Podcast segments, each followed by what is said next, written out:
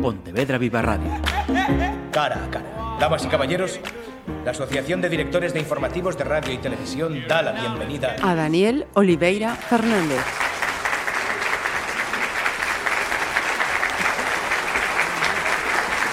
Si poner en marcha un proyecto empresarial no es fácil en cualquier momento, en estos las facilidades se reducen.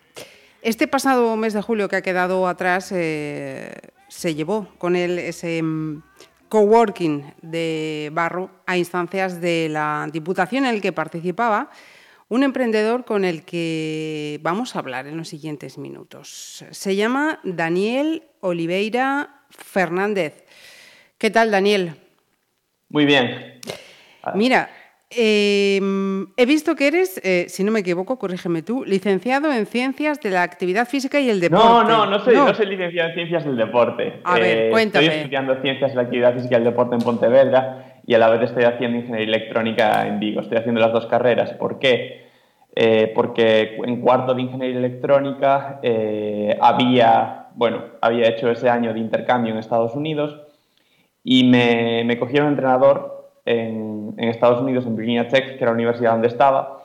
Y la verdad es que me gustó tanto la experiencia que dije, bueno, tengo 21 años que tenía de aquella y dije, bueno, pues hago la segunda carrera y me meto en ciencias de la actividad física y el deporte. Entonces me quedan por ahí unas pocas asignaturas de ingeniería electrónica y a la vez estoy con, con, deporte en Pontevedra, entonces tengo las dos carreras. Vale, acabo de entender entonces buena parte de lo que tenía que preguntarte después.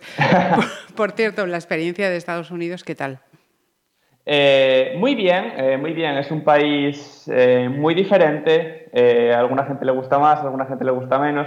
A mí me parece muy, muy, bueno, que me gusta igual que España, pero sí que es cierto que tiene matices. Ajá. Tú has estado participando en este coworking y tu proyecto está vinculado a las nuevas tecnologías y al deporte a través de una, de una app, de una aplicación que has llamado Entrenar desde cero. Entrenar desde cero, sí. Eh, cuéntame, eh, ¿por qué, cuándo te pasa por la cabeza esta iniciativa? Bueno, pues precisamente viene de, de, aquí. Yo había sido entrenador en Estados Unidos y el verano pasado también estuve entrenador en España. Estuve trabajando para, para, un, bueno, para una empresa, para un gimnasio, de entrenador uh -huh. personal. Eh, yo conozco bien el sector porque, bueno, me lleva apasionando desde los 16, que me metí por primera vez en un gimnasio. Y no solo lo veo como deporte o como ejercicio físico, sino que lo veo como hay que hacer un enfoque holístico y hay que hablar también de nutrición y hay que hablar de otros hábitos saludables como el sueño. Entonces, esto afecta directamente a nuestra salud mental y a, nuestro bienestar psicológico y por eso me empezó a apasionar este mundo en concreto. Ajá. Fue a través de estudiar ingeniería electrónica que yo realmente necesitaba unos ciertos hábitos para complementar mi vida y no es lo principal que hacemos en nuestra vida, el deporte ni la nutrición, pero es un importante soporte para aquella que sea nuestra actividad principal. Entonces, por eso quiero llevarlo a la mayor parte de personas posibles y mejorar las aplicaciones que ya hay, las, las aplicaciones tecnológicas de deporte, nutrición, etc. Ajá.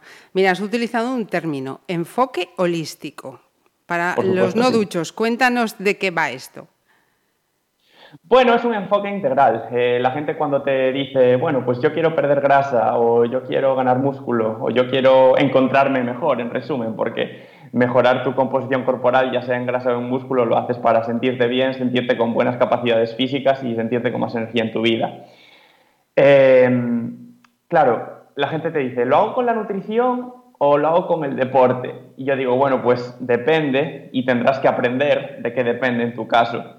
Yo la queja que tengo en general con la industria del entrenamiento personal, que la primera fase del proyecto es eh, de yo mismo ofreciendo mis servicios de entrenamiento personal y la segunda fase ya es con la, aplicación, eh, desarrollarla, eh, pues la diferencia que tiene mi proyecto es que yo quiero de verdad que el consumidor o el cliente o el usuario sea autónomo. Eso quiere decir que tienes que aprender unos conceptos que son muy fáciles, que ya le digo que no es ingeniería electrónica, no es lo otro que estudié, son cosas muy facilitas que podemos aprender todos para sentirnos en control de nuestros hábitos de nutrición a la hora de escoger lo que comemos en un restaurante y, y comer fuera perfectamente de forma saludable como, como de ejercicio, pues en este caso haciendo ejercicio con muy poco tiempo, porque sí que es cierto que yo personalmente, por ejemplo, te digo que nunca he entrenado más de tres horas a la semana, lo que se refiere al ejercicio físico, y no creo que sea necesario más si quieres tener una buena eh, salud. espera, espera, espera, espera, espera, que nos vas a romper los esquemas a muchos. No más de tres horas a la semana, Daniel. No más de tres horas a la semana si te gusta, si, si, lo ves como, si lo ves como un hobby, pues por supuesto que es algo que, a ver, yo tuve periodos de mi vida en que sí que hice más, pero por lo general eh, mi actividad principal es la de ser estudiante, en este caso la de ser emprendedor a partir de ahora también, eh, a partir de los últimos meses. y, y, no, si no es la actividad principal de tu vida, no deberías hacer más de tres horas de, de entrenamiento. En mi caso, bueno, pues también doy paseos de vez en cuando, pero bueno, es un porcentaje muy pequeño. El 80% de lo que hago se hace en menos de tres horas a la semana.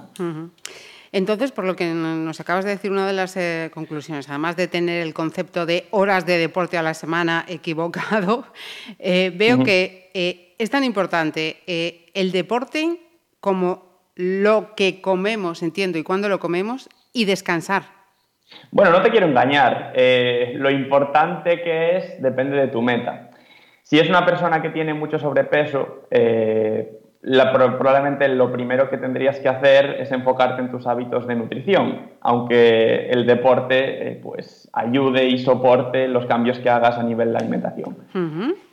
Pero si eres una persona que, por ejemplo, justo, justo el otro día estaba hablando con una chica que, bueno, eh, medía en torno a 1,70, pesaba 63 kilos y por su complexión no le interesaba bajar de peso. Entonces, lo importante ahí no es enfocarte en la nutrición, sino en hacer una buena sobrecarga progresiva, aquí ya te hablo con términos técnicos, en entrenamiento de fuerza, para hacer una recomposición corporal. Es decir, perder grasa y ganar músculo, pero pensar, pesar los mismos kilos. Entonces, realmente ahí no es importante hacer un cambio en alimentación.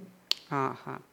Eh, el descanso entonces es eh, fundamental. ¿Se equivocan aquellas personas que todos los días hacen ejercicio?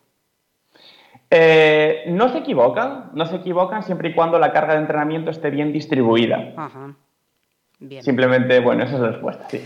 Mira, otra de las cosas que has dicho, Daniel, eh, mejorar las aplicaciones que ahora mismo hay en el mercado. ¿Qué fallos encuentras tú a esas aplicaciones? Porque seguro que muchos eh, de los oyentes eh, pueden estar utilizando algunas de esas aplicaciones.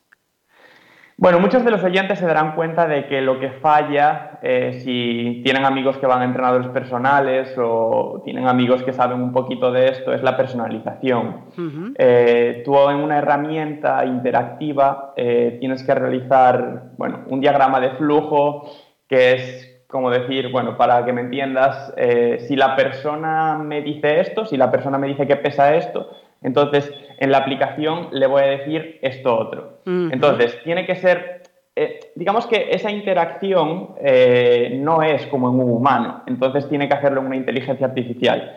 Y desde el punto de vista que controlo yo de programación y de cómo deberían ser programadas estas aplicaciones, esa interacción está muy mal hecha. Y luego hay más errores. Eh, otro, otro error, por ejemplo, es esto que hablábamos del enfoque holístico, que normalmente no se te junta coherentemente nutrición y ejercicio en una misma app. Ajá. Entonces entiendo que tú en esa aplicación, en esta iniciativa empresarial en la que estás inmerso, sí que tienes en cuenta esas máximas. Por supuesto, y además eh, lo que pretendemos es hacer un enfoque en hábitos, es decir, eh, hacer cositas muy pequeñas que parece que podrías hacer sin fuerza de voluntad, eh, ya sea en, pues, incluso no solo estrictamente en nutrición y ejercicio, sino en cosas como pensar las horas que dedicas a ver Netflix, las horas que dedicas a eh, pues estar en redes sociales y cómo podrías dedicarlas a cosas que sean productivas para aprender a mejorar tu salud. Mira, eh, en cuanto a la aplicación, también extraigo entonces que, mm, que todavía está, está mm, en el horno, vamos a decir. Sí, sí, está en el horno. Lógicamente, cuando desarrollas una herramienta de este tipo, y también es importante que, la gente lo sepa, eh, es muy caro. Eh, bueno, los presupuestos que se manejan son desde los 10.000 a los 50.000 euros. Entonces, eh, lógicamente, antes tiene que haber una validación detrás, y esto es lo que también aprendimos en el coworking, Y es que, bueno, pues primero tengo que funcionar yo como entrenador personal, a pesar de que ya, ya lo haya hecho mucho para otras empresas, pero primero tiene que funcionar un entrenamiento personal y una vez que sé eh, las limitaciones que hay en persona, podemos hablar de las limitaciones que tiene la aplicación. Pero desde luego que me parece una muy buena propuesta porque las aplicaciones en el mercado no, no están eh, satisfaciendo las, necesidades que, que, tiene la gente. ¿Qué le falta entonces? ¿Esos 10 a 50 mil euros, Daniel? Pues sí, pues sí, sí, eh, desde luego que sí. Y después también es cierto que este proyecto eh, tiene un, paso, una, evolución, y a mí aún me faltan dos años de las dos carreras y lo quiero hacer con calma. Es importante, yo creo que en los casos no de la gente que Sí, no no hay que precipitarse porque si eres un buen emprendedor, yo creo que tienes que saber llegar a donde quieres llegar eh, con paz mental. Y, la paz mental es una cosa que yo como estudiante de ingeniería electrónica, y si alguien ha estudiado ingeniería por ahí, ingeniería industrial, seguro que me entiende mucho cuando digo que es importante tener paz mental en tus proyectos profesionales. Eh, mira, eh, esos posibles inversores, ¿dónde se buscan? ¿Eso también nos lo han enseñado, moveros ahí a, sí, Sí, un, poco, un poco sí. normalmente, pues se conoce el nombre de los inversores, se conoce a qué ruedas de inversores van, pues no sé si te suena lo que es una rueda de inversores o le puede... Una cosa un poco, un término un poco extranjero igual para, para una persona que no está metida en el, en el rollo este de emprender. Eh, en cualquier caso, eh, imagino que mm, siendo una, una, aplicación, vamos a decir que muy de moda, ¿no? Porque cada vez, pues eso, la falta de tiempo, los hábitos, etcétera, etcétera, hace pues que, busquemos en nuestros dispositivos a alguien que, nos guíe. Imagino que alguien tiene que haber. ¿Ya tienes echado el ojo por ahí o te tiene echado el ojo? ¿Inversores? Eh, no. No, bueno, a ver, sí que es cierto que hay, hay personas, bueno, que, bueno, profesores, mentores, les llamamos en, el coworking, que sí que se han fijado en mi proyecto, les parece viable y, sí que si no son ellos, pues conocen a alguien que puede llegar a, aportar una cantidad en, el proyecto. También hay opciones de crowdfunding y lo cierto es que, bueno, no tienes que pensar solo en inversores, también puedes pensar en subvenciones, aunque es un proceso más lento. Pero bueno, hay, hay, posibilidades y lo importante es ser consciente de ellas. ¿Y aplicaciones del ámbito deportivo auspiciadas por ¿Gallegos? ¿Conoces muchas? No, no, no hay. Eh, conozco una eh, que es formación y aquí también hay una necesidad y es decir que, como digo, las personas tienen que ser autónomas y tienen que poder formarse y es como una especie de, lo que te estoy hablando es una especie de podcast de pago, se llama AudioFit, si lo quieren buscar. Pero ¿qué pasa? Que son más de 600 horas de formación que te tienes que meter y la gente no tiene ese tiempo para, aprender a mejorar sus hábitos por, por, ellos mismos. Tienes que hacer una experiencia de usuario mucho más personalizada donde el usuario aprenda rápido y aprenda para lo que a él le sirve. Todos queremos saber lo que funciona para nosotros. Pues él es Daniel Oliveira, un estudiante, como nos decía, de aquí, de la Facultad de Ciencias de la Actividad Física y del Deporte, paralela a esa ingeniería electrónica, pues que se ha metido en este proyecto empresarial de crear una aplicación entrenar desde cero. Ya nos ha dicho en esta charla que se lo va a tomar eh, con calma, pero si sois de los que utilizáis este tipo de aplicaciones, ir buscando eh, de vez en cuando. Por cierto, en esta situación en la que estamos ahora, eh, Daniel, esta pasada del confinamiento, esta situación pues de evitar recintos donde haya muchas personas, parece como que facilita un poco más iniciativas como la tuya, ¿no? Sí, por supuesto. De hecho, yo quería decirles a las personas que si tienen algún tipo de, consulta, aunque, aunque solo sea una preguntita muy pequeña, muy concreta, pueden preguntármela en mi Instagram, en mensajes privados, que es Daniolfe.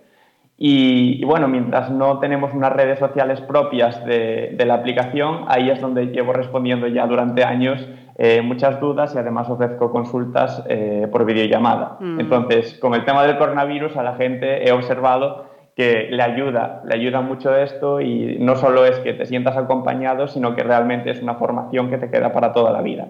Porque es eso, todos los hábitos que querramos poner en práctica, eh, como mucha gente que se puso durante el coronavirus a hacer deporte, tienen que ser eh, para toda la vida y no puede ser una cosa que tenga un efecto rebote, que lo intentes y después vuelvas a lo mismo de siempre. No, tienes que hacerlo con una conciencia y con un saber hacer.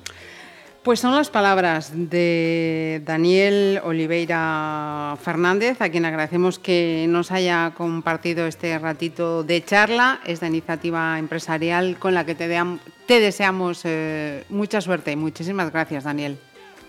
Bueno, muchísimas gracias a ti y a vosotros y, nada, espero que, les sirva a los, a los oyentes para tener unos ánimos para empezar a hacer ejercicio físico, comer mejor y sobre todo aprender, porque hay que ser críticos con lo que nos dicen por ahí.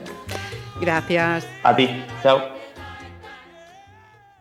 Pontevedra Viva Radio. ¿Me permiten que les haga un comentario como espectadores del programa Cara a Cara? Según un reciente sondeo de mercado, ustedes disponen de estudios e inteligencias superiores a la media. Sus intereses abarcan desde la actualidad mundial y la ciencia hasta el deporte y los espectáculos.